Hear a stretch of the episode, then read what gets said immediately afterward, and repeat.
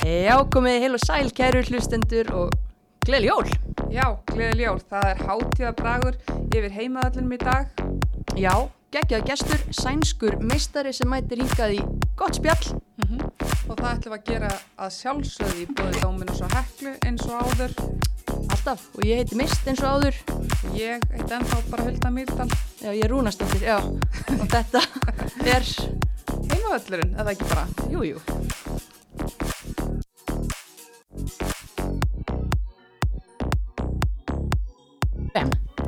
Við erum mættar hérna 27. desember með Guðrúna Arnardóttir, sænskan meistara. Heiður að fá þig Guðrún. Já, takk fyrir að fá mig bara. hvað eh, er að frétta? Hvernig eru jólin búin að vera hjá okkar svíþjóðar meistara? Eru bara rosalega góð. Ég er búin að vera í fríi frá Rósingard síðan í desember, byrjun des. Þannig ég er búin að náða að fara aðeins til bandaríkjana að hitta vini þar. Núna þegar aðeins slakaðist aðeins á í COVID í smástund. Og svo er ég bara búin að vera hérna heima og æfa og hitta fjölskyldu og vini. Ok, þú nærða að skjóta þér svona til bandaríkjana áður og kikið til Íslands. Já, en eh, ég kom til Íslands í þrjá daga fyrst. Fór svo til bandaríkina, kom svo aftur að reyna að nýta þessi fáu frí sem maður fær. Ég ger eitthvað skemmtlegt. Vesla jólagjöfnar. Já, nokkulega. Nýjan iPhone og svona. Já, vel gert. En hérna, já, hvenar, hvenar færðu frí frá Svíþjóða? Hvenar er tímabilinum bara lokið þar og þú færð að fara í jólafríð? Sko við spilum síðasta leikin 7. nómber. Já, ok. En við æfum alveg fram að landsleispásunni sem er hann í lók nómber. Því það eru náttúrulega, ég held að séu fjórar í liðinu eða eitthvað sem hafa ekki, voru ekki farið með landslið. Þannig að við æfðum bara alveg fram að því og fengum svo fríurinn eftir það sem var hann um rétt fyrir mánaðamót. Já, þannig að þú ert búin að vera í ágættis fríi núna frá og þú saðir okkur með, þú varst á æfinga á þann, Já, þú ert spennt að byrja að æfa aftur. já ég, mér finnst miklu skemmtlar að hlaupa með fótbolta heldur en að hlaupa á hlaupabrettinu og, og rífi lóðin sko. Það er, það er ástæða fyrir að maður er í fótboltanum en ekki bara í, í ræktinni.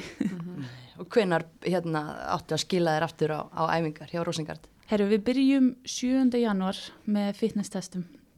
Þannig að það verður harkan bara strax frá degi eitt. Já, þú ert að rífa aðeins í lóðin áður en þú ferð í próf. Já. Er það óþægilegt? Nei, nei, það fínt bara, þú veist, gerir óvið. En það, maður vill náttúrulega alltaf standa sig vel, en það er líka ákveðin mótivering að, þú veist, að vera á, að, já, drepa sig á löpabrettinu og, og rífi í lóðin, sko. Og það er eins og þú sagðir, þú veist, fjórar sem er ekki á landslið, eða í landsliða þarna og þeir eru að fara í fitness test í byrjun janúar, þú veist, í gegnum jólafríð hjá þér, hversu mikið er þetta bak við hausina þegar þú sér konfektkassa að, þú veist, það er bara, ég þetta hann ekki allan. Þetta er alveg svolítið mikið og maður er alveg, veist, að passa upp á svefnin og passa að borða og allt, þú veist, að því að maður verður að vera tilbúin til þess að geta hlupið 50 minna intervall daginn eftir. Þannig að, þú veist, maður, jú, jú, maður leifir sér líka alveg, en maður er líka með þetta mitt, eins og að og eitthvað trillt mikið nammi og, og gósið áfengi eða eitthvað svona, sko. Það væri vandræðalegt líka bara að mæta tilbaka 10 kílóum þingri. Það væri náttúrulega ekki lægi, sko. Nei, nei, við höldum að tökum þetta okkur, mætum 10 kilóum þingri í vinnuna eftir áramót. Já, já. Það Ekki, ekki vandamálið. Eitthvað verður að gera. Já. En já, bara, þú veist, þú ert þá, ertu, þú veist að því að þú ert, þú ert sveitastelpa, er það ekki? Sko, Eða- ég er búin að vera svolítið út um allt. Ég, þegar ég var bara nokkra vikna gömul, þá flutti ég til Danmerkur í fimm ár. Með fólkdur mínu voru að læra þar. Og svo flutti ég vestur Ísafjörð, var þar í sjö ár. Fór svo austu fyrir fjall í Árunnes í fjögur ár. Og flutti svo í Hafnafjörðin 2012, nei, 11 held ég að veri. Og bjóð þar þannig fór skóli bandaríkjunum og svo til Svíþjóðar. Þannig ég er búin að vera svolítið á flakki, sko. Svona rótlaus bara. Já, hann er, ég myndi ekki, ekki segja ég væri borgastelpa, sko, meira svona smábæjar, Já, væri Já, mitt, fla, flakkari. sko. Já, En hvað er svona rótin því? Myndir að segja að það var Ísafjörður eða er þau fór Ísafjörði fóröldraðinir? já, þau eru frá Ísafjörði og amma og afi búa þar ennþá. Já. Þannig að þegar maður kemur þangað þá finnur maður alveg svona, ah, þetta er, þetta er svolítið heima. Mm. Þó maður, en ég fer nú ekki ofta því að það er nú ekki oft sem maður kemur til Íslands og þá er það oft bara í mjög stuttan tíma, þannig að maður kannski hefur ekki tíman til þess að fara vestur en ég reyna nú samt, ég kíkti í stumar Já. aðeins og kíkja á gömlu setti þar Mhm. en já, þannig að en það er rosa kósi sko. Já. Þannig að þitt beis núna í þessari heimsókn er þá höfuborgarsvæðið. já, það er svona, svo býr mamma mín býr núna fyrir austan fjall aftur þannig að ég er, svolítið, ég er bara alltaf á flakki það er svolítið svolítið Er það ekki bara ágætt? Já. jú, það er fínt sko er maður eitthvað eitthva að gera sko Þetta er brjálað að gera hjá þér. En hvað er það þá tengingi við Selfoss? já, það er rauninni ég bjó hann í Árnesi og þá æfði ég með Selfossi Árnes, það er hérna, nálat flúðum já það er hella og flúðir og mm -hmm. ég skil þig. já Það er KFR. Nei, það er, er gnúbverjar í Árnesi. Hrunamenn á flúðum, Ok, stórliðin. voru þau með stórlið? Sko, ég æfði með strákunum á, já, í hrunamennum fyrsta ára mitt og fór svo sumrin vestu til pappa og spilaði með stelpunum þar. Og svo annar ára mitt tók ég bara sumari með gnúbverjar strákunum. Hvað ertu gömul þarna? Hvað er ég? í Áttundabæk. Hvað er maður þá? 14, ekki svo leiðis. Já, Flakkar í bæði fótboltanum og, og búsetu. Svolítið og svo eftir það þá var þjálfari á þjálfari hrunumanna sem var hann átti papp, pappi stelpu í Selfossi og var alltaf að reyna að segja mér að fara á Selfoss sko. en ég var rosalega feimin þarna á þessum tíma og var svolítið hrætt við að fara veist, á nýjan stað í eitthvað sem ég þekkti ekki veist, myndi vera nóg góð og allt þetta sko. Mm. en hann var alveg bara endalaust að þú veist, já þú ert að fara, þú ert alveg nóg góð, þú veist, þú getur alveg verið og allt svona svo eftir þessi tvö ár í sveitinni þá loksins fór ég, mannaði mig upp í að fara og var þá, spilaði rauninni bara tvö ár í Selfossi, eitt ár bara með þriðjaflokki, uh -huh. við erum Íslandsmeistarar og svona, það var alveg alveg fílingu fyrir mig ef- eftir að hafa verið í svona litlum liðum og meira barist á botninu sko. Já. og svo var ég eitt ár með meistarflokki þegar við komumst upp í Pepsi. Ymmit, þetta er náttúrulega hraður uppgangur og við hulda hleruðum aðeins svona fyrir þátt og svona. Og það, selfisingar tala mitt bara, þannig mætti bara eitthvað batn úr sveitinni, bara kvispam, búm, miklu betri heldur en að hún held að hún væri í, í fótbolta. Og hann ætla að reysa stórt, þú ert úr þessum allræmda 95 árgangi sem er einn sterkasti árgangur sem hefur komist, komið upp bara hjá okkur. Já. og mætir í Selfoss og verður einmitt Íslandsmeistari. Stórum velli í þriðaflokki bara Já, þetta var ótrúlega skemmtilegt og var svolítið svona var, þú veist, eins og ég segi, þú veist, ég var alltaf í BI á Ísafjörðu og svo með strákunum í sveitinni. Og það var, var einhvern veginn aldrei eitthvað svona á við myndum vinna. Og svo þegar maður var í þessu við vorum náttúrulega með rosalega gott lið margar stelpur sem ennþá spila og svona og þá var, þá var maður alveg svona, wow, ok þetta getur farið eitthvað. Það er hægt að vinna lengi. Þannig að það var ógíslega gaman og voru náttúrulega, já, eins og segi, margar mjög góðar, na, bæði 95 og 4 sem við vorum og já, var svolítið svona kickstarta manni þessu. -hmm. þannig að fyrsta árið þarna einmitt þá verður Íslandsmeistari næsta árið þá ertu bara komin í stórt hlutverk í meistaraflokki 16 ára krakki Já, það var í rauninni þá eftir þetta tímabil sem við vorum nokkra, það voru nú þegar einhverjar sem voru svona að byrja að mæta meistralóksæðingar og svona og eftir það þá var ég kölluð upp og fekk að spila og þú veist, ég, í minningunni er þetta bara svona, ég kom inn og svo var ég alltaf bara hluta liðinu og þú veist, pældi einhvern veginn ekkert meiri í því eða þannig. En þú segir að það hefur verið feimin áðan.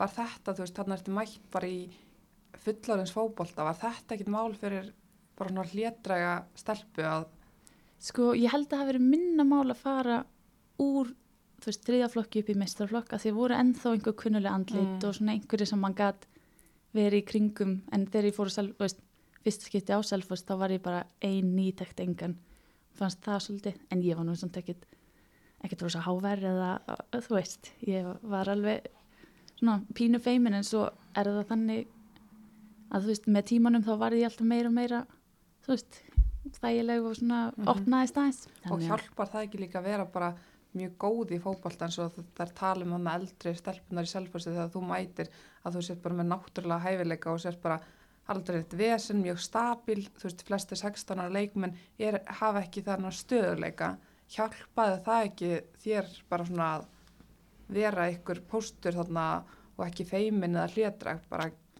góð á vellinum. Já, ég hef aldrei pælt í því. Þannig, en það er eins og oft eins og mamma segir oft við, við mig að þú veist, ég er mjög einmitt svona feimin og svona þanga til í mætin á völlin að því þá einhvern veginn, þú veist, gleymir maður bara öllu öðru einhvern veginn ég held að það sé svolítið meira bara svona, veist það er svo gaman í fótbolta og þegar maður ert, þá ertu bara eitthvað að leika þér, skilur og þá ertu ekkert að pæla í því, ó, ég er svo feimin og hvað er þær að hugsa, því þú ert bara ég er að spila fótbolta, þetta er geggjað, skilur Og ég er bara nokkuð góð. já, og svo er bara pass. Ef fólk náttúrulega, þú veist, almennlegt við mann og þú veist, og, maður, og ég hef, alltaf aldrei fram að, þú veist, ef maður er leggur sér allan fram og er alltaf, þú veist gefa 100% þá er enginn að fara að vera getur enginn, þú veist sagt neitt vond um þig að því að þú veist, þú ert að gefa allt. Og Mhm. það er svolítið, svolítið svona finnst mér mikilvægt að þú veist og þá, einmitt eins og ég segi, þá er það bara ok, þú veist, hún er hérna af fullum krafti hún er hérna, þú veist, þannig að þá er þá er þetta svo auðvilt að vera í liði, finnst mér. Mm Algjörlega. Og þetta, þegar þú ert að stíga þessi fyrstu skrifa með vistaraflokki þá ertu samhliða að fá, eða ekki fyrsta, eða svona smjörþefun af, af landsliði, spila með U16, Jú, U17. það var í rauninni einmitt, þegar ég var komin í Selfoss þá fekk ég að fara á landslýsæðingar þá var ég náttúrulega líka einmitt bara wow, landslýsæðingar fannst þetta var svo skrítið en svo náttúrulega fór maður og þægilegt einmitt, þú veist, maður þekkir einhverjar maður mætir og svo er þetta alltaf svona sami hópurinn og maður kynnist því og þú veist, mínar bestu vinkonur kynntist ég í gegnum fótboltan og fyrst í gegnum landslið sko. Að Og hverjar eru það þá? Andri Arán og Elladís Já, sem mér steitna svo spilaði með í blíkunum emmett. En þessi, þetta, hver er að þjálfa ykkur þarna í U17? Það er, Láki. Já, Já, hann var með okkur og við fórum hann með 94 í U17 fórum við í hann fjóraliða úrslitin. Sem var náttúrulega rosa reynsla, þú veist, það var alveg svona það var alveg svo stórt og við vorum að spila móti ótrúlega góðum liðum sem að Mm. var svona, þannig að þetta var ótrúlega, einmitt, svona það var alltaf svona meira og meira sem var bara, já, ok þetta, þetta er pínu cool, þetta er skemmtilegt ég til ég þetta. Mm en hérna, Uh, já, einmitt, U17, hvað er þetta, 2011 segðu við, já, ég, bara, ég er að meta, þið voru að spila þá við móti hvað, Þískalandi og einhverjum svona huge, já, Já, við spilum, við spilum á móti Spán og Þískalandi held ég og svo var Frakland þarna líka. Já, og svo litla Ísland. einmitt, ég var bara að Einmitt. pæla svona hvort þú munir eftir einhverju leikmönnum þaðan, þú sem að þú, hérna, sér að spila í dag, Nei, ég er, ég er sko ekki mjög góð með að muna leikmenn. Nei. Ég er svo mikið bara, ég man þann sem ég er með í fanginu, framherjan sko, en svo meira mann ég eiginlega ekki, þannig ég er frekar lélið í þessu sko. já, ok, það er, það, það er bara leifilegt, ég bara, já, Já. bara fór að hugsa þegar nú ertu náttúrulega komið með reynslu af, hérna, stór, stóra sviðinu, sko, Já, En uh, það er áhugavert að, að þetta er svona hraður uppgangur, ferð þarna 2010, þrýflokkur Íslandsmeistari, 2011, þið vinnið ykkur upp í úrvalstild, en Mhm. þú ákveður samt að söðla um eftir tímabilið og fara í breyðablík og spila með þeim í úrvalstild. Já, þá var rauninni var ég að fara að flytja aftur, eða fjölskyldan að flytja aftur í bæinn.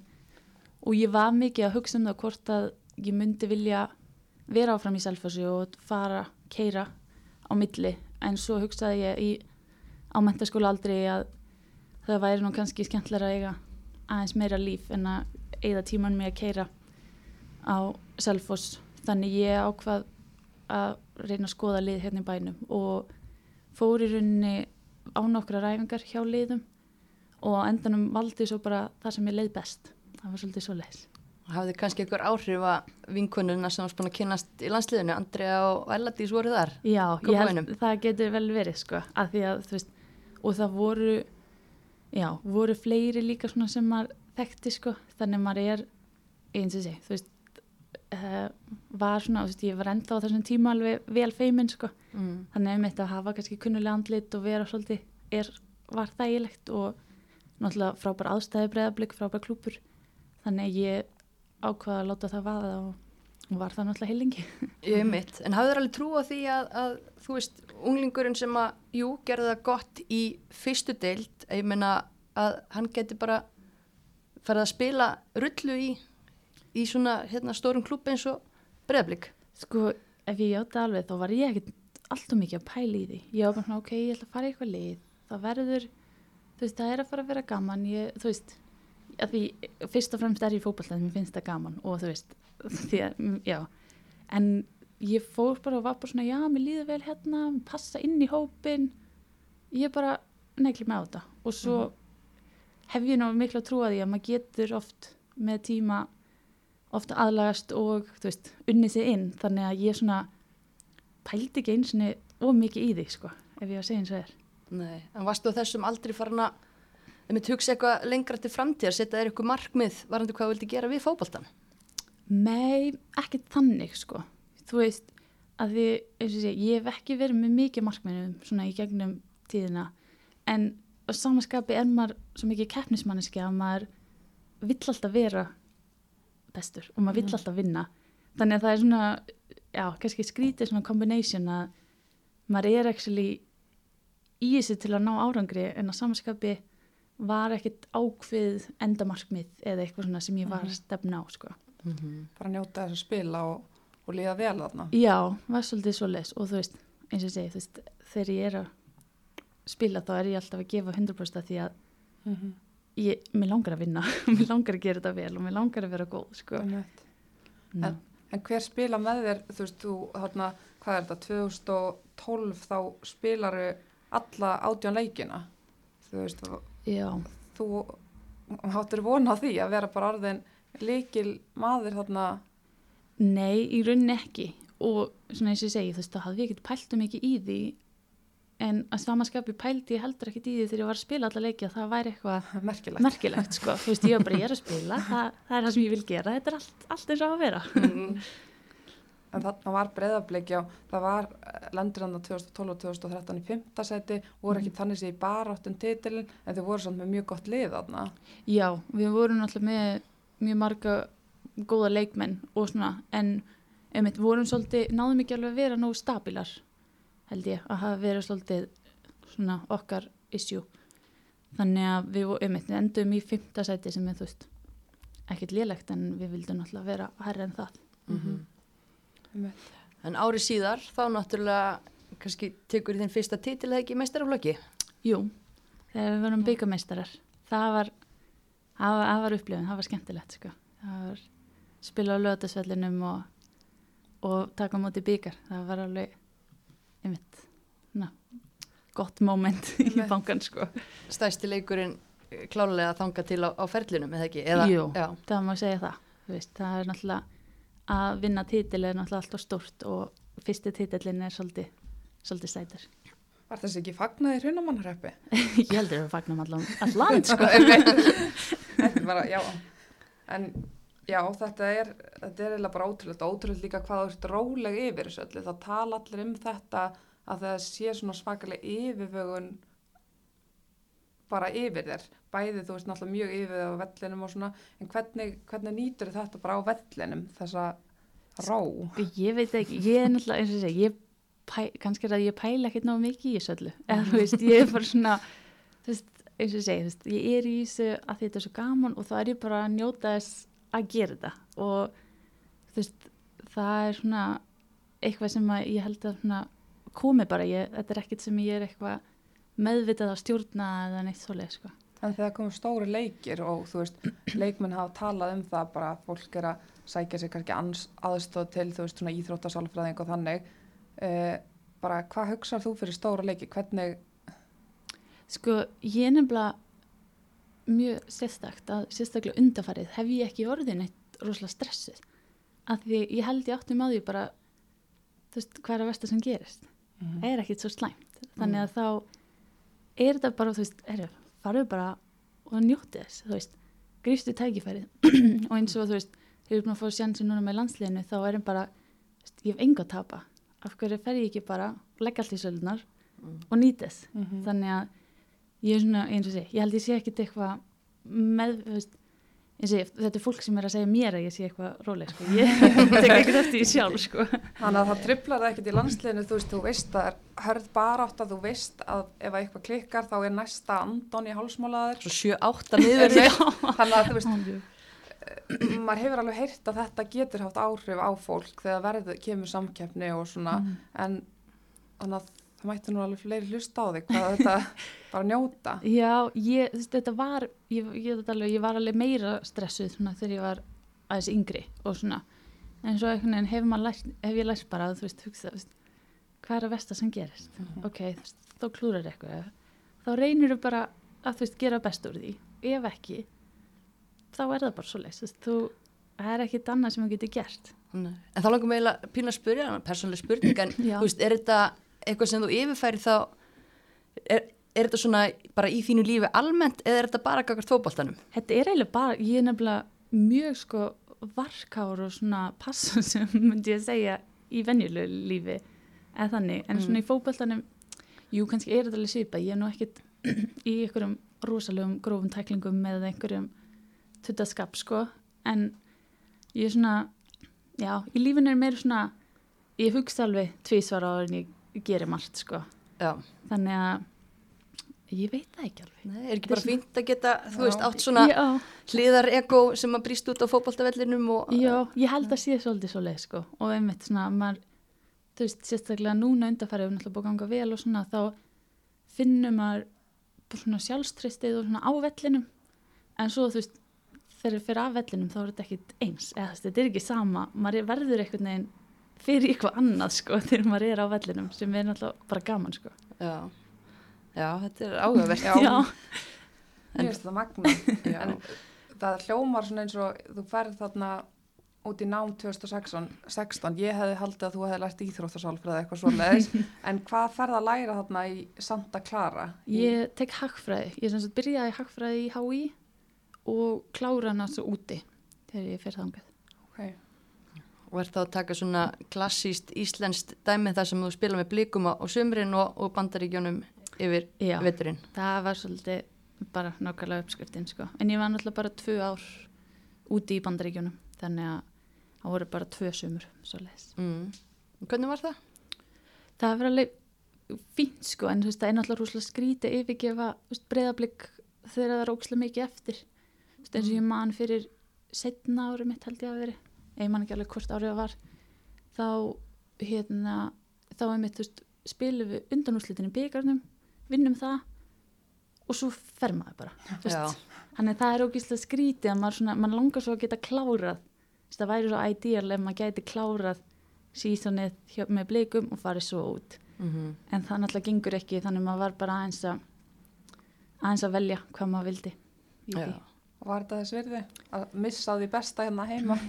Já, fyrir mér sko ég þroskaðist rosalega á því að fara til bandaríkina og þú veist, mér finnst líka veist, bæði bara sem manneski alveg bara fullt lærði að vera minna feimin og svona, það hjálpa mikið. Og svo líka bara það að þú veist, að prófa eitthvað nýtt í eins og í fókbaltanu líka, að maður er að fara í eitthvað annað umhverfið sem er öðruvísi áherslur, öðruvísi þjálfun, öðruvísi leikmenn og þá, þú veist, maður lærir ókslega mikið af því líka því maður sér aðra vinkla og svona sem ég held að hafi alveg hjálpað. Hvernig fannst þér úr bæta þessum leikmaður þarna út í bandaríkjanum að hvað svona tókstu þaðan sem leikmaður? Sko, ég lærði, ég fekk alveg mjög gott svona góða leiðbenningar og svona með að því ég var alltaf góð varnalega en mér vantaði svolítið, þú veist, að bera upp boltan og, þú veist, skila af með boltanum og svo leis og ég fekk mjög mikla hjálp við það, þú veist, það eru bara, ok, þú veist, ef þú ert í þessu situationi, pældi því hvað þú getur gert svona og hvað, þú veist, hvað þú getur hérna og þú veist, hvar ég geti borðið upp boltan og hvað, hvernig vinkla ég væri þá búið til. Og ég held að það hafi hjálpað mér mikið. Og svo í þokkabót var ég í eins og kalla leadership group hana, þannig að maður fjekk svona ábyrðar hlutverk og var svona átt að vera leiðtói í liðinu sem ég held að hafi verið gott fyrir mig líka. Einmitt. En þú fegst, þér gekk vel, ég menna þú byrjaðir alla leikina fyrsta árinu þínu og hvað freshman of the year og eitthvað öðru árinu. Já, maður, ég fekk alveg eins og ég, ég gekk vel og við komumst í áttalega úslitin fyrsta ári mitt sem er náttúrulega bara yfir landið sem er náttúrulega bara flott sko, flottur árangur Mhm. og einmitt fekk ykkur svona verðlaun fyrir fram með stöðuna og það er líka alveg gaman að fá að vera svolítið þú veist, prófa sig á öðru sviði og sjá hvort maður sé góður þar líka Mhm. eða svona, þannig að það er ótrúlega, já, gefur manni mikið sko. Já, og þú varst náttúrulega líka búin að fá, eða ekki, velun, varst ekki valin best hjá blíkonum 2015 eða efnilegust? Nei, ég var held ég sko það var eitthvað svona bjartasta vonin hjá kna áhuga um sambandi fólks um hvenna knatsminni eða eitthvað svona Já, Þetta er ekki heistum. Þetta er góð velun. þetta var eitthvað tveir mánir eitthvað sem þetta var eitthvað gefið eitthvað og svo bara hef ég ekki séð þetta síðan En fjöxti velunin? ég fekk, ég fekk svona lítinn byggar og allt sko já, ok, hann, hann er heimekstar í, í kassa sko setja hann upp í hillu. já, get gefið ykkur hann til hóra Já, Við fengum alveg velun. Uh, já, allavega smá út út úr. Ég var bara, að því að ég var að skoða hérna á, uh, þú veist, þú ert með svona ferilskrá á Santa Clara hérna, heimasíðunni. já, Þá er sko á ennsku voted MVP in 2015. Sett eitthvað á Íslandi þess að ég var að pæla Já. hvað hva það ég veit hvort það er það kannski leikmann leikmann eða eitthvað svolítið ég veit Ég ekki. veit ekki. Ég hef ekki hugmynd sko. 2015. 2005. Það verður Já. Eða ekki? já. Segjum bara að þú hefur kosið best á já, Íslandi. já, ég er alveg til Já, það já. segjum það bara Kanin allavega heldur það, Já. þarna hefur Santa Clara. kannin kann náttúrulega peppa sko Já, Já. emmitt. Þau líka kunna emmitt að gera bara öll verðlun að bara verðlun, þannig að Já. þetta er bara flott. En þau vilja stimplaði sem haffyrðing samt á Santa Clara. já, að því ég bjóð þar sko Já, í rauninni þegar ég flutti Þú ert fætt þar. ég er ekki fætt, ég er fætt á Ísafri á Wikipedia stendur að setja fætt á aha, Við verðum að senda inn já, hverstum. verðum að laga þetta Það haft dreigið að já, Ísafjörðinum. fjölskyldan verður ekki sátt með Ekki þetta trú öllu sem þið lesi á netinu. Það er nokkuð ljóst. En gengur vel út að þú valdir inn á skóla, þú veist, var bara stumði í skólana úti? Um, ég var alveg í sambandi við marga skóla sko. Ég held ég hafi FaceTimeað einhverja 20 skóla eða eitthvað. Og það var alveg álag, já, það var álag sko. Og en svo á endanum, vald, ég var í rauninni að velja á milli Santa Clara sem ég fór í og Ohio State. Var í rauninni svona þeir sem ég náða sitta niður í og ég hafði í rauninni ákveð að fara í Ohio State. Mm. Ég bara, já, ég ætla bara, því ég var búin að fór í heimsók þangað, ég bara, jú, þetta er fínt, ég ætla bara að fara þangað. Ringi svo í þjálfarni í Santa Clara og segi bara, heyrðu, hérna, ég er búin að ákveða mig, ég ætla ekki að koma til ykkar. Og hann bara, ég tek ekki nei fyrir svar fyrir nú að koma í heimsókn. Af því þeir bj- bjóða í heimsóknu, sko. Mm. Og ég, ég náttúrulega var bara ennþá feimin og bara, uh, uh, ha? skemmtla hann á fyrir. og hann bara, já, þú, bara, þú verður að koma í heimsókn og þá getur sagt nei og ég bara "O- o- ok, þú veist vissi ekkert hvað ég að gera, enda að fara í heimsókn og leist, reyndar, og leist þá líka vel á þann skóla. Þannig að það var í smá smá glemmu og var bara, hvað hva ég gera? Og þá var þetta niður í pros and cons lista og á endanum ákvað ég bara að prófa eitthvað, veist, Ohio er svolítið svona íslenskt veður sko, það er svona alveg veður og allt þetta. Þannig ég ákvað að skella mig bara alla leið til Kaliforníu, prófa bara eitthvað allt annað. Og þú veist að því voru báðir fínir skólar, þú veist, fótballtalega og námslega Já. síðan sko. Þannig að, og þá enda ég bara á að skella mig til Santa Clara og sé alls ekki eftir því í dag sko. En talandi um svona að taka ákvarðanir af því að það var nú svolítið vinkonuðinnar sem að, og vildi nú meina að þú væri kona sem að, hérna, væri svona svolítið jeskona og, og ætti mjög erfitt með að ákveða, jafnvel bara hvað ættir að setja í bræðarefiðin eða, eða hvort ingangin þú ætlar að fara inn um heima hjá þér. Já, ég, það er ekki mín sterkasta hlið að taka ákvarðanir og þessi ákvarðan var alls ekki það vild sko. það var, en það var mamma mjög mikið involvið í þessu og þú veist, og svo reyni ég alltaf að spyrja bara, mamma hvað ég að gera? Hún bara, þú verður að ákveða. Ég bara, hvernig ég að ákveða? Ég gæti ekkert sko. En þá hjálpaði þessi pros and cons listi og, en ég, það er samt líka sko oft með svona minni ákvarðanir sem skipta kannski ekki það miklu máli þá er ég erfitt með að taka það ákvarðanir af því að og því það skipti Að ekki það máli. skipti ekki svo miklu máli. Og ég hef mikið gert grína mér í vinahófnum fyrir það sko. Að ég, þú veist, get ekki ákveð hvort ég ætla að borða hér að taka með sko. Svolítið. Þannig að það er- það mikið gert grína því. En til hamingjum að hafa tekið þessa ákvörun, Já, ég vissum að mamma einn var líka peppari fyrir að heimsækja þig í sólina, Já. þó að rocksafnið í Kífland sér enda gegja, en hérna, sér ekki eftir því.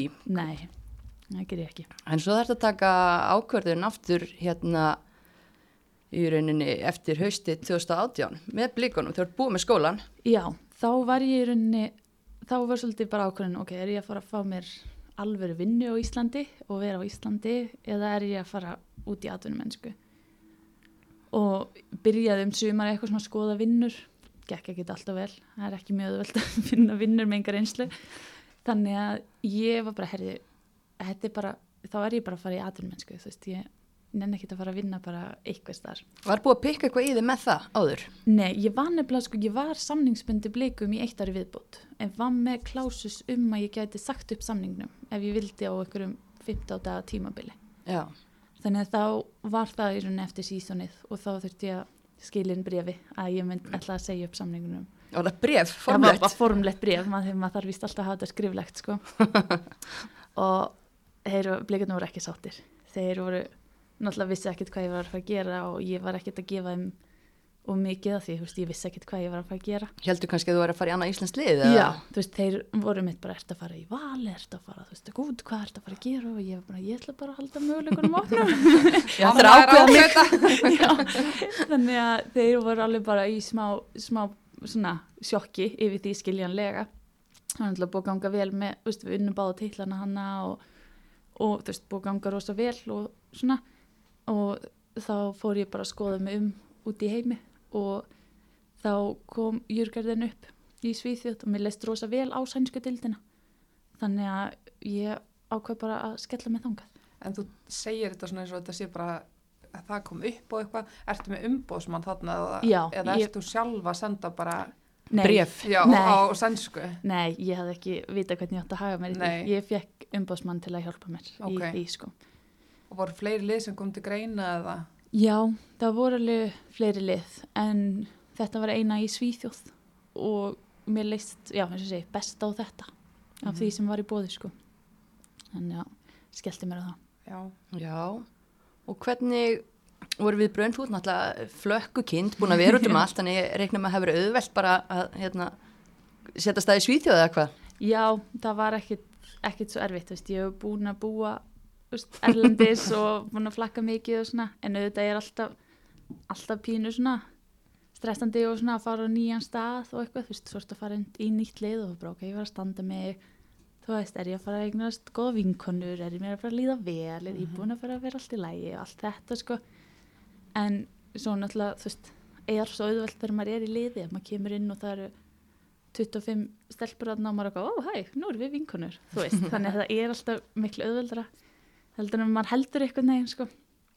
En þannig að já, það var bara fínt í rauninni, þú veist. Fótboltinn gekk náttúrulega ekki ekkit rosalega vel hann að 2019 sko, það var svolítið það var ekkit frábært. Ég myndi segja að þjálfarinn hafi ekkit verið neitt upp á marga fiska kannski. Nei. ekki alveg á þann standard sem maður hefði ætlast og svo var liðið var, við vorum með mjög góða leikmenn í liðinu en við náðum bara ekki að búa til liðseldina og samvinnuna sem við þurstum og sem kom rosalega í bakið á okkur og endaðurinn náði að við rétt svo heldum okkur í Já. deildinni, bara á markatölu einmitt, en þú ert ekki eini Íslandíkur en þarna. Nei, Ingibjörg var hann fyrir og hafði, ég hafði samband við hana eins áður mm. og heyrði í henni og fekk ég myndi að búa hliðin á henni og það var náttúrulega ógíslega næs að hafa eitthvað, þú veist, vinkunni þína sem er bara, herðu, þú býr hérna ég skal bjóði, og þú veist, hún bauði mér mat þegar ég mætti um kvöldið og alveg bara svona hún er náttúrulega top skvísa sko og var bara, þú veist, já þú ert hérna í klefanum, þetta er svona, svona er þessi þessi er svolítið svona, veist Já, þessu eitthvað svona, þannig það er náttúrulega ógíslega næs sérstaklega svona þegar maður fyrir eitthvað veist, Mm þá er ógíslega gott að hafa eitthvað svona til að taka á móti sér sko. Og þeir rétt sleppi bara við fallið, bara alveg rétt, en svo Rétt, hérna, sko. svo endið þið bara, er þið sama vesin að það ekki næsta tímabil? Jú, en það er svona sko 2019 var þetta alveg bara, þú veist, það var engin ánaður eða neitt sko.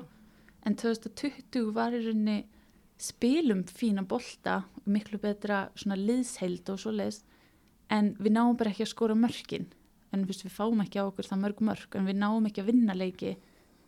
Og það er svolítið einmitt, endar á því að við þurfum að vinna síðasta leikin til þess að þurfum ekki að treysta önnulið við að halda okkur uppi.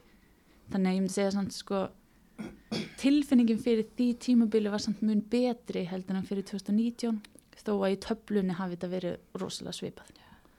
En svona að þér persónulega, að því að núna náttúrulega kannski, þú veist, fólk er að horfa, já, liði í fallbaráttu, þú veist, þú ert samt að spila mjög stórt hlutverk, hvernig fannst þér, þér ganga? Sko 2019 var ekki gott. Ég, mér, ég var ekki góð, þú veist, ég byrjaði dæmis, já, orðið á að vera í landsleisofnum, datt svo út úr honum sem ég held bara að vera alveg verðskuldað þú veist, ég var ekki í standinu sem ég hefði átt að vera. Og þú veist, auðvitað er einhvað þú veist, að æfingarna voru ekki spes og svona, en svo þú veist, svo var ég ekki að fylla upp í hólunar heldur sem að vantaði, þú veist, sem ég hefði getið gert sjálf. Og en veist, og enda í rauninni tímabili á að vera á, að kemur nýr þjálfari inn lók tímabils og setja mig í rauninni á bekkin síðustu sex leikina held ég að verið. Og það var svolítið svona þá, það var líka smá sko moment sem ég var bara, ok, Guðrún, þú ert bara í þess að því þið finnst það gaman. Verður bara að hafa gaman þú veist, þú ert, ef þú ert að stressa það á allir hínu, er það ekki að fara að hjálpa þið neitt, sko Mm. og í rauninni, ég, fekk, já, ég held ég að fengi 15 sekundur í sex, síðustu sex leikunum fekk að verjast einu hotni eða eitthvað svo leið, sko Og það er fyrsta sinn sem að þú upplýði sem, sko, eða upplýði, varst varamaður, já, eða sko þannig lagað. Já, það má eiginlega segja það. Það sem ég var bara á bekknum og bara bjóstu að vera á bekknum í næsta leik í rauninni. Og einmitt, eins og ég segi, það var svolítið svona wake up call. Am, am, og svo þú veist, var í rauninni eftir það tímbil var ég með lausan samning og þjálfarinn sem hafði sett mig á bekkin var með, tím, með liðið áfram næsta ár. Og ég rætta eins við og hann bara, já, þú veist, ef þú vinnur fyrir sætinu, þá mm. það, getur alveg spilað en þú veist, þú verður að vinna fyrir því.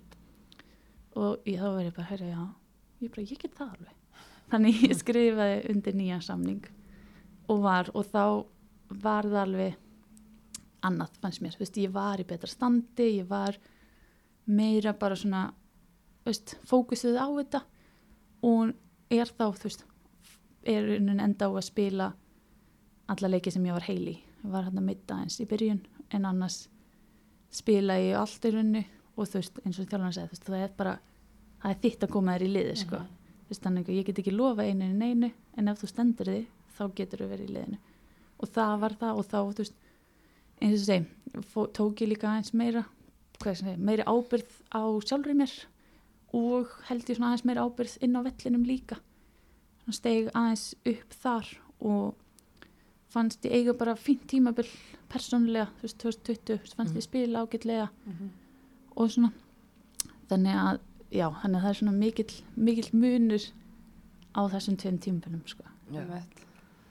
Og- Já, Nei og bara þú veist þessi framistæðin setna tímbili menn ma maður fór að heyra meira og maður fór að sjá meira og, og það er náttúrulega þú vekur aðtigli og, og já, árið síðar næsta tímbili þá er hvorki meira en minna en svíþjóðar meistararnir sem að vilja fá þig yfir og það er væntalega aldrei magna búin að vera í þessu fallbaróttu harki kannski og, og svona að, að vita það að fólk hafa tekið eftir hvað, ert- hvað, hvað býr í þér Já, algjörlega, eins og ég segi, sko, þegar Rósingard hafði samband í rauninni, þá ég held sko, fyrst að því vinkonu mín sem er í Rósingard sendi á mig bara, hver, hvað er hérna, hver er umbyðin, þú veist, hvað, agentin, hvað, eða svona, og ég sendi eitthvað á, sendi hann á, hérna, númerið hjá honum og ég svona, hvað, annars, hvað, hvað er þetta að pæla?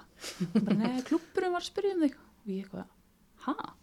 Mér finnst þetta mjög skrítið, sko, og hún bara, já, hvað, hvað finnst þér um það? Ég bara, það er ekki ekki að og svo s- í í agentunum mínum og bara, herðu, þú veist, þeir voru að spyrja um mig hérna, þú veist, þannig ef þeir heyri í þér, þú veist, þeir eru kannski með svona, eitthvað smá áhuga fyrir næsta ár.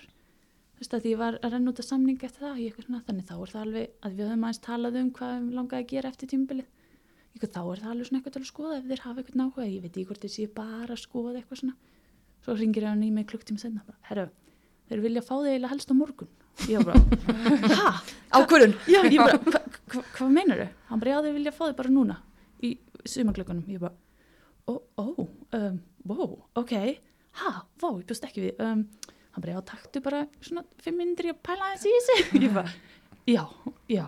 Og svo var það náttúrulega bara no-brainer í rauninni.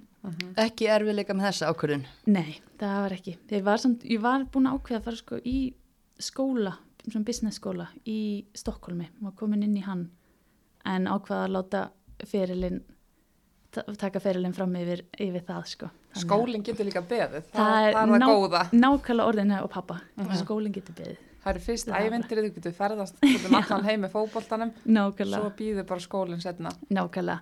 Þannig að það, já, tók mig ekki langa tíma að ákveða þetta sko. Heyrðu þér eitthvað í, þú veist, eins og Glótisi og, Glótis og Sara hafa verið þarna, kannski lengra sem Sara var. Nei, ég heyrði sko ekkert í glótisti, ég hef náttúrulega rætt við hana áður, eða þú veist, bara svona um lífið í landslisferðum og svona í gegnum tíðina eitthvað svona og hún er alltaf að tala rosa vel um þetta og svo er þessi Olivia vinkonu mín sem var með okkur 2019-20 Olivia Sjúk Já. Já. sem fór í Rosengard og þú veist, hef, hafði aðeins var í sambandi við hana líka og hún var bara, þetta er svo allt annað sko. og eitthvað, og þannig að þegar þetta kom upp þá var ég bara, að því svo heyrði ég í rauninni ekkert meira til dæmis í Olivia því hún var ólimpíleikunum, þannig ég var ekkert að trubla hana með mínum vandamálum sko. þannig að ég já, þannig ég var bara, ok, þú veist ég er bara um að heyra góða hluti um þetta þetta er gott lið, er í Champions League þú veist, þetta er no-brainer En hugsaður ekkit svona þarna varstu komin á gott rann, byrjað að tala með þig hjá Jörgarden og þú veist bara, er ég kannski að komin í, er of stórt eða? Nei, eða þú veist, ég, eins og ég segi, þú veist, ég heyrði náttúrulega í þjálfarunum og, og sportdirektorunum hana og þú veist, þeir náttúrulega segðu bara, já, þú veist, við höfum trúaður, við höldum á sért, þú veist, og passi vel inn í hjá okkur, í okkar lið og okkar, þú veist, spil, þannig að, þú veist, við viljum fá þig og þá, þú veist, þeir, eins og ég segi, eins og ég sagði þann, þú veist, ég trúaði með tíma, þá getur maður unnið sinni í þetta, þannig að bara, ok, þú veist, þannig ef ég er ekki að fara að fá sjansinn strax, þá hef ég tíma til að vinna mig inn í þetta og ef trú að ég gæti þá komist inn en svo fekk ég bara sjansinn frá byrjun og fekk að spila Leist ekki tilbaka? nei, þannig að það var bara geggjað sko Já, svakalega gott þetta Rosengard lið, ég meina hver stórstjarnan á fætur annari og, og svona, ertu bara fílið til botn? Já, ég er alveg þú veist eins og ég segi, þú veist, maður kom fyrst og maður, svona, ú, ok, við erum að venjast þessu tempói og þessum, þú veist, kröfum og svona. En svo, þú veist, eins og ég segi þú veist, maður aðlæðast alveg fljótt og er bara í þessu. Og þá er þetta svona svo er maður bara vanur þessu núna. Þannig að, en það er einmitt, þú veist, það sem maður þarf að gera til þess að taka næsta skrif er að fara í eitthvað aðeins betra og, og komast á það level sjálfur, sko. Mm og fjölmiðlin damalsvelskan uh, nýheter sem fylgjast náttúrulega vel með sænsku dildinni, þau vildu meina að kaupin á þér til Rosengard hafi verið bestu hérna sumarkaupin í Svíþjóð Já, ég var mjög hiss að sjá það, já, segjum svo er, ég veit ekki alveg með það, sko, en náttúrulega bara heiður að þú það sé tekið eftir manni og talað um hann, sko. Já, veist ekki alveg með það, ég menn, er þau ekki, alveg, er þau ekki að fylgjast best með? Ég, eða, þú veist, maður myndi halda það, en ég segi, veit ekki, mér veist að mikið pepp, sko, ég veit Já, ekki alveg hvort maður eigi skilið. Ég meina ef að þú, Rosengard missir hérna leikmann eins og glótisi og fær inn leikmann sem smellur eins og flýs við rass, hérna, ég menn, þú byrður ekki mikið betra. Nei, ég veist að segja, ég er rosa sátt og ég tek öllu peppi, sko, það er ekki, Við getum haldið áfram. þannig að ég, já, eins og þetta er, ég fannst heiður að þú veist, Rósingard hafi haft áhuga, svo þeir vildu fá mig og svo þetta, maður er svona, wow, ok, þannig að ég er sátt, sko. Já, og endar tímabilið sem sænskur meistari, Mm ekki amalegt. Það hvernig var að, lifta hérna dollunni? Það var ógeðslega gaman. Ég er náttúrulega, eins og ég segi, þú veist, búin að berjast á botninum núna svolítið og svo komum við, og það neður, sko, við vorum alltaf að spila í PTO og þú veist, við vorum alltaf bara á því, bara ok, við þurfum að vinna PTO og þá getum við tekið titilin heima í leiknum eftir. Mm. Og svo erum við sem sagt í svolítið ströggli í PTO, góðu snjór og svona kursi, sko. og hérna, og svo skorum við bara rétt undir lokleiks og þjálfarinn er bara, þú veist bara því ekki taka sjensa og við bara ok, whatever, við erum svona að vinna við ætlum bara, við ætlum alveg að halda sig við ætlum ekki að fara eitthvað að play safe og eitthvað. Svo blásaði leikin af og allir bara hlaup inn og við erum bara eitthvað, já við unnum, allir ég er gladir og það er bara, kemur einn bara eitthvað, við unnum, ég var já, ég veit. Og bara, nei, við unnum deildina. Og við vorum bara, ha? Af því þá hafði hekkin tapað stigum sem við, náttúrulega byggustegnin ekkert við. Við vorum bara að hugsa um hvernig við getum klárað þetta. Mhm. og þá var maður bara, ha, ha? Og bara, þú veist, byrjar að, þú veist, hoppa og öskra og fagna, sko. Snjónum í norður Svíþjóð. Lengst í burtu frá ykkar stuðningsfólki. eða- lengst í burti, sko. Þannig að þetta var ótrúlega ótrúlega sérstætt moment og því svo var einhverju sem flugu bara beint með landsliðin eftir þetta vorum einhverju sem fórum heim og þú veist, fórum með landsliðinu daginn eftir og eitthvað svona, þannig að þetta var ótrúlega ótrúlega sérstætt svona moment, sko og svo, en svo, þú veist, kom náttúrulega næsti leikur heimaleikurinn sem við fyrst höfum hugsað að við ætlum að tryggja okkur titilin Mm. að þá var samt, þú veist, þá fengum við alvöru, þú veist, svona konfetti og allt þetta kampavinn og eitthvað Já, svona já. til þess að sprauta um og svona, að þetta var en þú veist, og maður er með bara svona þetta er svo unreal eitthvað, Aha. þegar maður er bara svona, wow, ok. Að því, þú veist, ég veit, síðast tvö tímbil er ég bara búin að vera, þú veist, berjast fyrir lífinu liðinu, og svo núna er maður allir bara að lifta dollinu, maður bara, ok, bara- get vanist þessu og líka bara með, þú veist, eins og bara fullt af stór stjörnum og bara þvílíkun leikmönnum já, þú veist, þú hafði alltaf tíma til að hugsa um þetta, ertu búin að átta það á þessu, hvað þú ert búin að gera? Sko, ég var einmitt, það var svona, þú veist, ma, fyrst var ég bara svona, wow, ok, þetta er svona unreal. Svo var bara svona, já, ok, ég er bara, þú veist, við unnum bara. Og svo með einhvern veginn er maður svona eiginlega búin að gleymi þessu núna, bara, ok, langar að fara að spila aftur, langar að gera þetta aftur, þú veist, maður er bara svona, Mm -hmm. fekk tíma til að fagna þessu, en svo núna er maður bara, ok, let's do it again. þú vilt meira. Já, ég vil meira, sko. En til að hjálpa þær að gera meira, Já, þá hérna, við veljum sérst Better You leikmann vikunar mhm, og það er ekki bara við tvær sem ákveðum það, við gerum það með hjálp fylgjenda okkar. Og sko, þú varst bæðivalin leikmaði vikunar hérna fyrir einmitt bara stórkostlega framistuði með Rosengard og búin að spila hver einustu mínútu. Svo vikun eftir tekur bara e, byrjar á móti Tjekklandi og spila bara með sænsku meistara sjálfströsti þannig að það var engin spurning að við bara gátum ekki annað en valið bara tvær Tvisvar í röð. Fyrst að- til að gera það. einmitt fyrst til að gera það. Við bara gátum ekkert barist á móti. Það var bara ekkert hægt. Og svo setjum við alltaf inn hérna svona könnun, það sem að er hægt að kjósa milli leikmann og það var náttúrulega Guðrún Arnardóttir í tveimur. Við lögðum saman þarna það. Þannig að þú vannst það með sko miklum yfirbyrðum þannig að þú ert uh, better jú leikmaður vikunir í oktober Já, tvöfaldur betur jú leikmaður vikunar í oktober Já, og takk. leikmaður mánaðarins Já. í oktober. Takk Þetta fyrir að var taka þrenna. ADHD félagi fyrir smá samantækt ég var bara að reyna að fara yfir þetta þannig að þú færið hérna gjafapakka frá Bettri og þetta er hérna þessar flugur, mhm, magnesium flugur sem að eru bara hjálpaði með endurheimt og slökun og svona og, og þú lofar með því að þú ferð þarna í þetta fitness test að fara í þetta og svo erum við líka með spray og D-vitamin og þú bara fer með þetta aftur út og hittir sænsku, sænsku hérna stjörnunnar Getur Já. bóðið þið með þér í fótabað líka Já. með magnesium Já. flugunum. já, geggjað. sendur Takk. bara tonn út af flugunum Allir, allir í bað, sko. Þannig að já bara stórkostlegt ár hjá þér. Já, er ekki líka bara svolítið gaman að fá loksins svona almennilega umfjöllina því að þú er búin að vera að gera góða hluti í svo langan tíma en maður sér ekkit nafnið þetta endilega alltaf hérna á, á forsíðunum. Nei, ég er svo eins og búin að segja við einhverja vina og fjölskyldi, ég held ég sé að fá pepp lífsins núna þessa síðustu mánuði sko, en eins og ég segi, tek peppinu.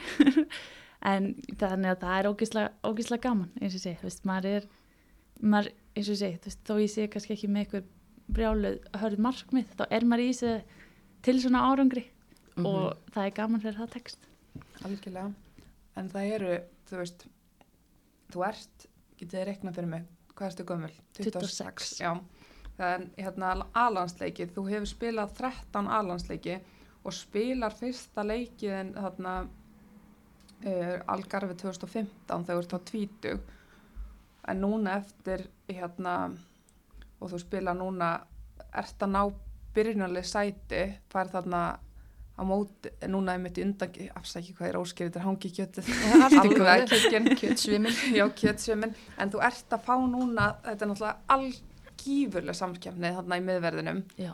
og búin að spila 13 leiki, það er EM á næsta ári, hvernig þið svona lítur á þetta, uh, bara, ég hald, ég held þegar ég kíkt inn á KSI að þú væri búin að spila miklu fyrir landsleiki, ertu svegt yfir hvað þeir, þeir hafa verið fáir? Já og nei, sko. Þú veist, í byrjun var ég svolítið svegt yfir þessu. Svona, eða þú veist, þegar maður var svona viðlóðan landslinu, var ekki að fá leiki og var svo ekki í hóp og svona, það var maður svolítið, maður var oft svona eitthvað vonsveikin og svona yfir þessu.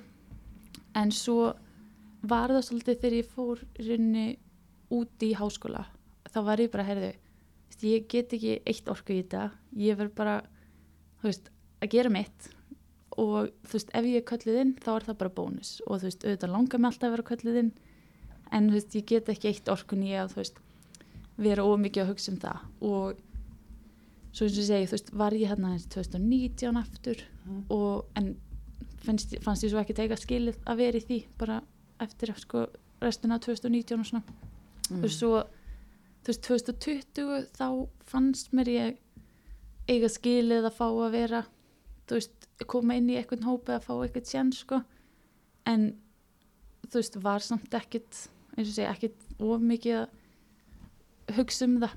Og svo náttúrulega þegar ég fekk núna þá var ég ákveði bara þú veist eins og segja gera það best úr því og reyna að nýta tækifæri sem ég fæ.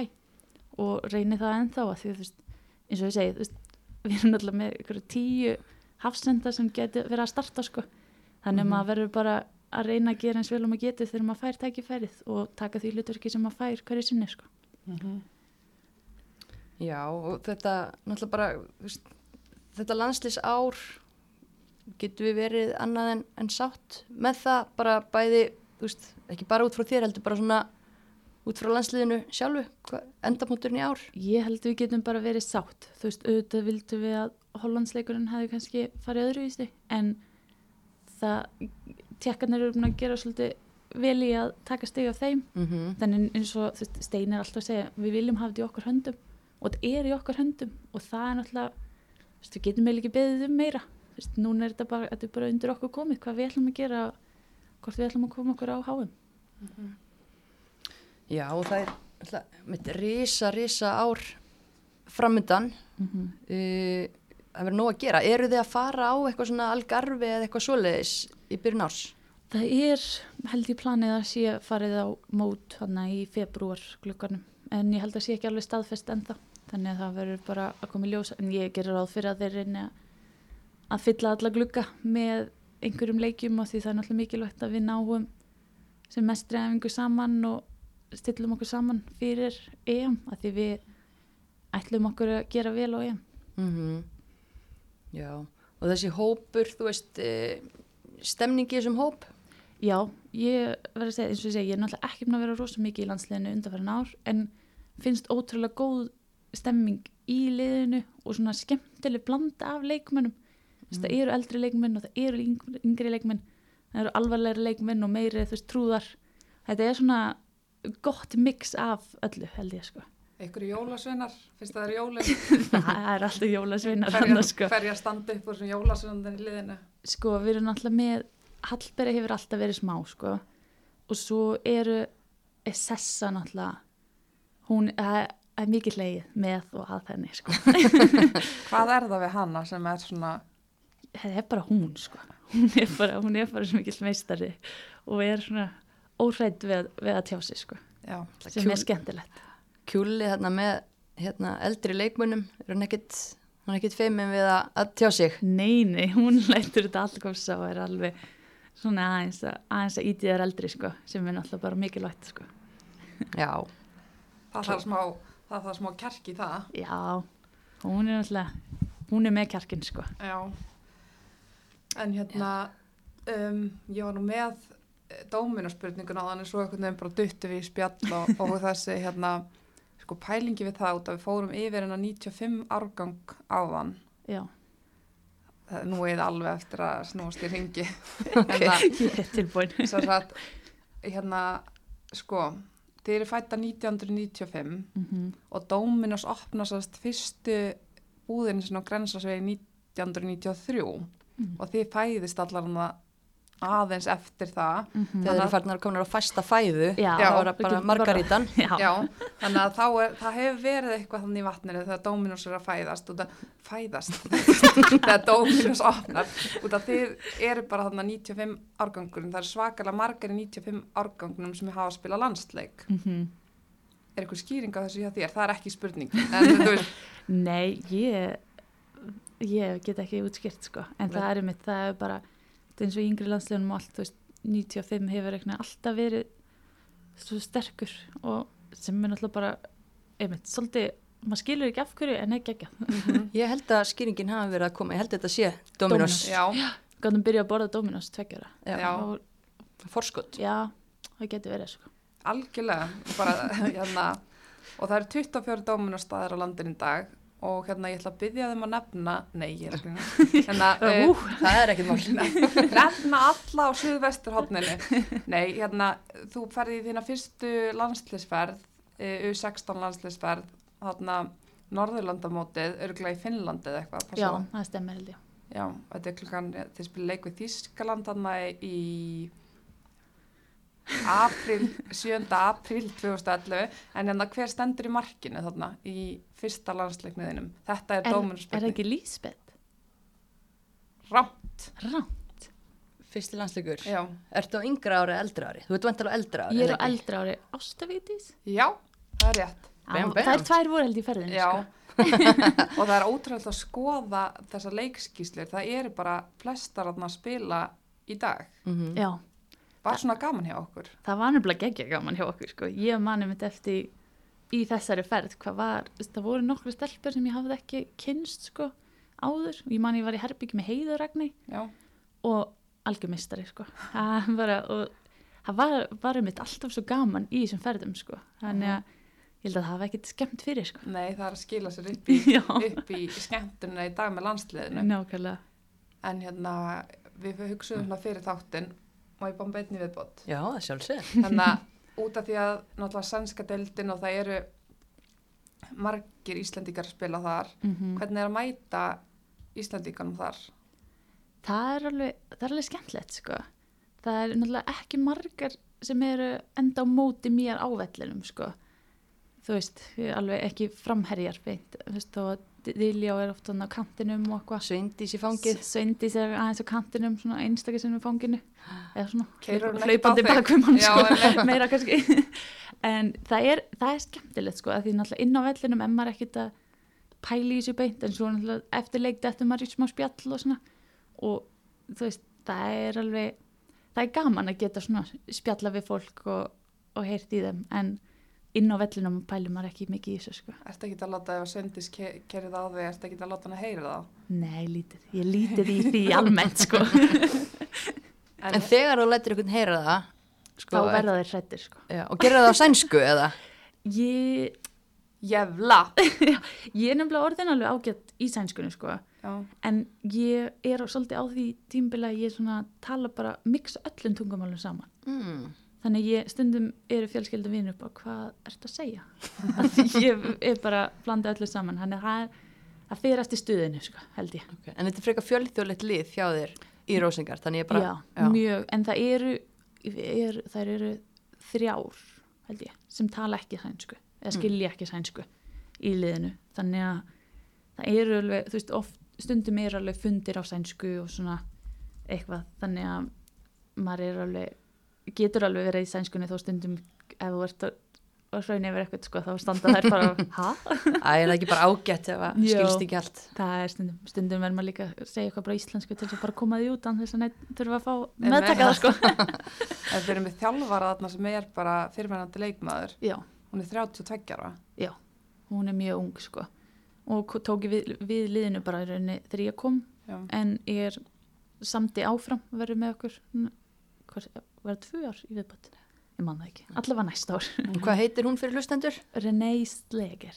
Sleger. Hollensk. já, hollensk, en talar alveg fullkomlega sænsku, Já. hann er alltaf búin að spila hana svolítið Mm í Svíþjóð.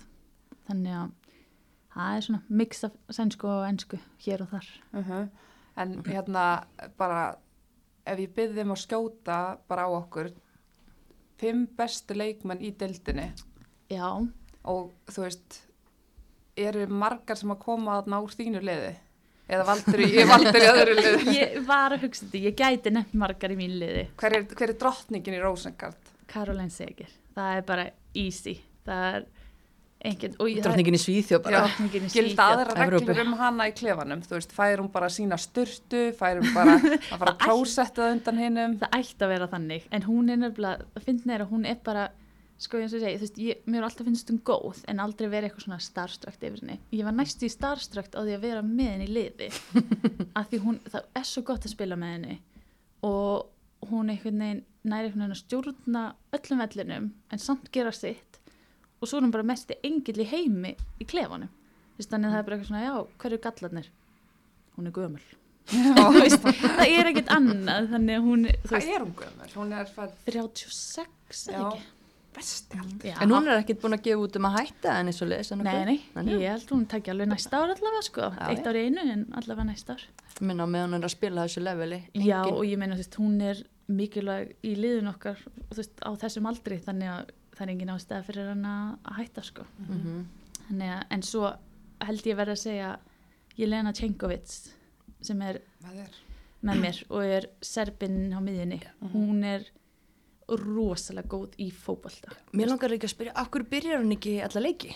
Hún hefur verið að glíma við eitthvað meðsli. Ok. og svona, hún var uh, með ökla vandamál og eitthvað svona eftir þannig að undir lók tímabilsins og í rauninu til dæmis í píti og spila hún en hún gat ekki gat ekki sprett meira en svona 80% Mér finnst hún geggjuð, bara því líkur tækni, já, bara Já. tækni undur. já, og hún er einhvern veginn, það er einhvern veginn hún vill alltaf boltan sem er náttúrulega svo þægilegt þegar þú ert hafsend Mhm. þú veist, þú ert með segir fyrir fram að þig sem vill alltaf boltan og alltaf, í- alltaf í stöðu til að fá boltan og svo aðeins lengra fram ertu með ég leginu sem finnur alltaf þessar hólur Mhm. til að fá boltan og þú veist, tekur við honum sendir hann, þú veist, er með svo já, er bara geggjuð í fótbolta Mhm. þannig að þú veist, þær, ég held að ég var vel valið þær tvær fyrst Mhm. úr liðinu hjá mér sko Já. og svo var ég bara, ok, nú er ég að hugsa- eitthvað fleiri en svo, svo reyndar langar mig að segja sko að Glódís, þú veist, að því ég náttúrulega hún náttúrulega fór úr Rósingarni, ég náttúrulega spila á mótinni Mhm. í Svíþjóð og hún hefur náttúrulega þú veist, eins og umfyllunin hefur verið þú veist, hún Mhm. hef, var bara besti hafsendin í Svíþjóð Mhm. og þú veist, ég held að hún eigi alveg skili líka að vera á þessum lista sko henni við gefum henni sem svona hálfum Rósingard leikmanni að vera, vera Hún á það skilur Já, það. Samþygt. Svo var sko erfitt að velja með sko ef ég var að velja frá tímabilinu þá Mhm. var ein Uchenna Kanu sem var í Linköping Mhm. sem er frá ég man ekki, hún er frá okkur Afrikulandi Nýgeríu, eða ekki? Jó, ég held það Já. hún er sko hún er svona smá svona eins og svindis Mm. leikmaður, hún er rosalega fljót og klára færin rosa vel Mhm. og þannig að það er erfitt að díla við hana og sko þú veist, hún og Stína Blackstenius. Mhm. eru náttúrulega hana svolítið, þú veist með þessa leikmenn sem maður er að díla sjálfu við og er bara, ok ok, we got this að því þú veist, eins og sé Blackstenius er náttúrulega veist, gríðarleg, þú veist, íþróttakona og er orðin líka, veist, svo góð í að klára færin sín, þannig hún næri einhvern veginn að skora upp úr engu stundum og maður bara, ha, hvernig? Mhm. þannig þær, sko, þær er að deila einu. Ok, byrju, erfitt að hérna, taka ákvarðanir mjög erfitt. En svo finnst mér sko hérna um, sem að Filippa Angeldal sem var í hekkin og fór í mann sitti í sumar. Mm. hún og Fríða Manum sem var í Linköping og fór í Arsenal í sumar líka. Þær eru svolítið svipaði leikmenn myndi ég segja. Eru svona playmakerar sko á miðjunni. Já, og eru svona, veist, búa svo mikið til fyrir liðsfélagana, einhvern veginn, veist, þær kannski fá ekki alla aðteglina, en það eru svo mikið að búa til fyrir fólki í kringu sig. Þannig að þær, fó- að því þær voru hálft sísón það fór ekki leina sæti líka Ég er ána með hvernig þú, Er þú það hugsaði þetta, jú. þetta er alltaf einhver, starf, einhver starfræði mig sko. Já, þú ert búin að setja þetta vel, þetta er svona hagfræði keimur. En hvernig leikmannu finnst þér bara erfiðast að mæta? sko, mér finnst erfiðast að mæta leikmannum veist, sem framherjum náttúrulega því þeir eru á móti mér sem að eru bæ, þú veist, eru bæði að sína lappir og fara bak við þannig að þú veist, þeir eru alltaf með þessa Keimaði út úr stöðu og Já, svo er þeir bara... þannig að maður þarf alltaf að, og þú veist, dett í hóluna þannig að Mhm. maður þarf að kommunikata við um, djúpa miðjumannin um að leysa það en getur svo allt í hennu farið á Einmitt. og sama með þú veist, fremsta miðjumenn sem eru að, veist, eins og Jelena Mhm. Čekovic sem eru þú veist, í hólunum og fara svo og þú veist, gera það svo erfitt fyrir eða þú hefur náttúrulega bara hva, sekundu til þess að hafa, veist, tala við, já, tala Mhm. við leikmennin kringu þau um, og leysa þetta þannig ég held að það sé svona, Það er problem. það er problem sko. Smá höfuverkur, en þetta Já. var góður fimmanna listi. já, Fimm var orðin bara miklu meira. það var svona léttu sjö kannski Já, já, en það er eins og góður voru færið yfir, hálft tímabil gefur bara hálft, eh, hálft nákvæmlega, gott að peppa, peppa sem flestar, hún að sé allar að hlusta. nákvæmlega. Ég veist það sko Þú þýðir hérna þátt fyrir þær á öllum tungumálum Já. og... vippis í Google Translate sko. Já. Já, En hvað meira við hérna, uh, mm, það var uh, Dóminóspurningin, ég, Mhm. ég ætti að fá með Dóminós í kvöld. þú átt að skilja þetta já, Ég þrái bröðstangir eftir skelvinguna síðustu daga. mhm, það eru, já, góð með spila, spilakvöldinu. Pizza, það er komin hann að dóttir pizza á matsiðilinn. nú, ég hef ekki séð hana Ná, voru að tjekka því að hún fer til, til Svíþjóðar. já, heldur betur en hérna, en heklan. Verðum við ekki að hérna, Við erum alltaf að, og já, við veljum hekluna í hverjum þætti en það er einhver sem er að gera góða hluti utan allar og við gerum þetta með hjálp fylgjanda og við höfum ákveðið að velja konu í dag sem að hefur verið örgla á listanum okkur ansi lengi og þetta heldur betur skilið. búin að vera í boltanum ansi lengi, sinna alls konar hlutverkum. Mjög mikilvægum hlutverkum, komið bara víða við. Er ennþá að á miljón, Já, á milljón. pottit út að hjóla okkur að núna. Já, Og já, við erum að tala um Kristrúnu Lilju Daðadóttur, legend. Legend in the Game, já. Queen Kitty sko. Þú lítur að þekki hana. ég þekki hana, hún var náttúrulega aðstofaþjálfarinn minn í breðablík og svo var náttúrulega þjálfari annarflokks þegar ég var líka á annarflokksaldri og hún er náttúrulega algjör meistari algjör eins og eins og Hulda myndi segja, stemmingskona Mm Já. og hérna er alltaf til ég að hjálpa manni og kannski sýnir hann mikið hvað hún er búin að vera innan breðabliks að, að hjálpa til og í þessu og hinnu og allt sko. Mm Og er einmitt, já, búin að gefa ótrúlega mikið af sér til fótboltans, var fyrst leikmaður, búin að þjálfa, þjálfaði við 17 ára landsliði, búin að þjálfa við þrótti káir, var með augnablík í sumar, tók þátt í að, að hérna, þær björguðu sér ótrúlegasta hátt sem að, hérna, bara maður mann. Já, og maður getur alveg séð fyrir, sér, fyrir þennan leika þá var bara að kitta hvað hún hefur sagt, það er bara, þú veist, bara gleði skilur hafið gaman að þessu spila, Peppa þetta, já, þetta unga lið. og hún sjálf líka, þú veist, Kitta er búin að skora, þú veist, hún sjálf, bara ég gleymið ekki Káarsból á 99, það er sínt þegar Kitta er að fagna marki, Hversu, bara, Káir spólunni 99? sástu hann ekki? Nei. Þegar Káar vann tvöfald í kalla hvernig var gefin út Káar spóla, ég skal lána þessa spólu mist Ok, og líka nice. bara vídeotæki með. Ég er Ok. engar ágjör. Já. En þarna er sínt líka mark frá Kitty og, og bara hvernig hún fagnar þarna. Var það úr að ofan? Hún var ekki úr á hann eins og Helena Ólafs gerði, eh, 99 líka, en það var eitthvað svipað. Það var held ég bara hendin upp, Já. það var vinsalt. Hún er alltaf bara búin að skora svo ógeðslega mörg mörg í gegnum tíðina að nó bara, já já, hendin upp. Einmitt, þetta, þetta er eitt af mörgum áframgak, en hún hefur skorað, þú veist, í bara meistarflósleiki yfir 100 mörg og 189 leiki. Það er bara gott fyrir þá sem er að hlusta, sem hún hefur verið að þjálfa, að vita þetta þegar hún er að tala. Hún hefur gert þetta allt áður Mhm. og er að deila þekkinguna áfram núna. Og búin að, Já, þú veist, utan allar náttúrulega að gefa ótrúlega mikið af sér, búin að vera í meistaraflokks ráði hjá blíkunum, búin að vera að fylgja þeim í þessu meistaradildar æfintýri sínu í draktinni í, í París og, og hjálpandi hérna, til við allt umfangið og umstangi sem að svoleiðis er risa æfintýri fylgir. Hún er bara, hún klári allt og er örugglega búin að prófa flest í fótboltanum. Mm Já, og, ég bara, held að. og bara hjálpar okkur að taka fótboltans skrefin lengra og við þurfum fleiri, fleiri kittur Mm -hmm. sem gangi verkinu og hafa gaman í leðinni Mm en já, bara kitta takk, takk fyrir að vera til. Og bílaumbúði hekla, Já. takk fyrir að vera með okkur í að peppa góðar heklur. mm og bara ebla knaspni kvenna. En hérna Guðrún, þú ert uh, bara takk. Þú ert, Þú ert takk. þú ert bara takk fyrir að koma til okkar. Og bara hvað getum við sagt við hana Guðrúnu meira? Ég bara hlaka mjög mikið til að fylgjast með þér á, á næsta ári, gríðarlega spennandi. Þú ert með titil að verja og þú ætlar að komast á HM og þú ætlar að standa þig vel á EM og ég veit ekki hvað og hvað. mm -hmm. Stressuð?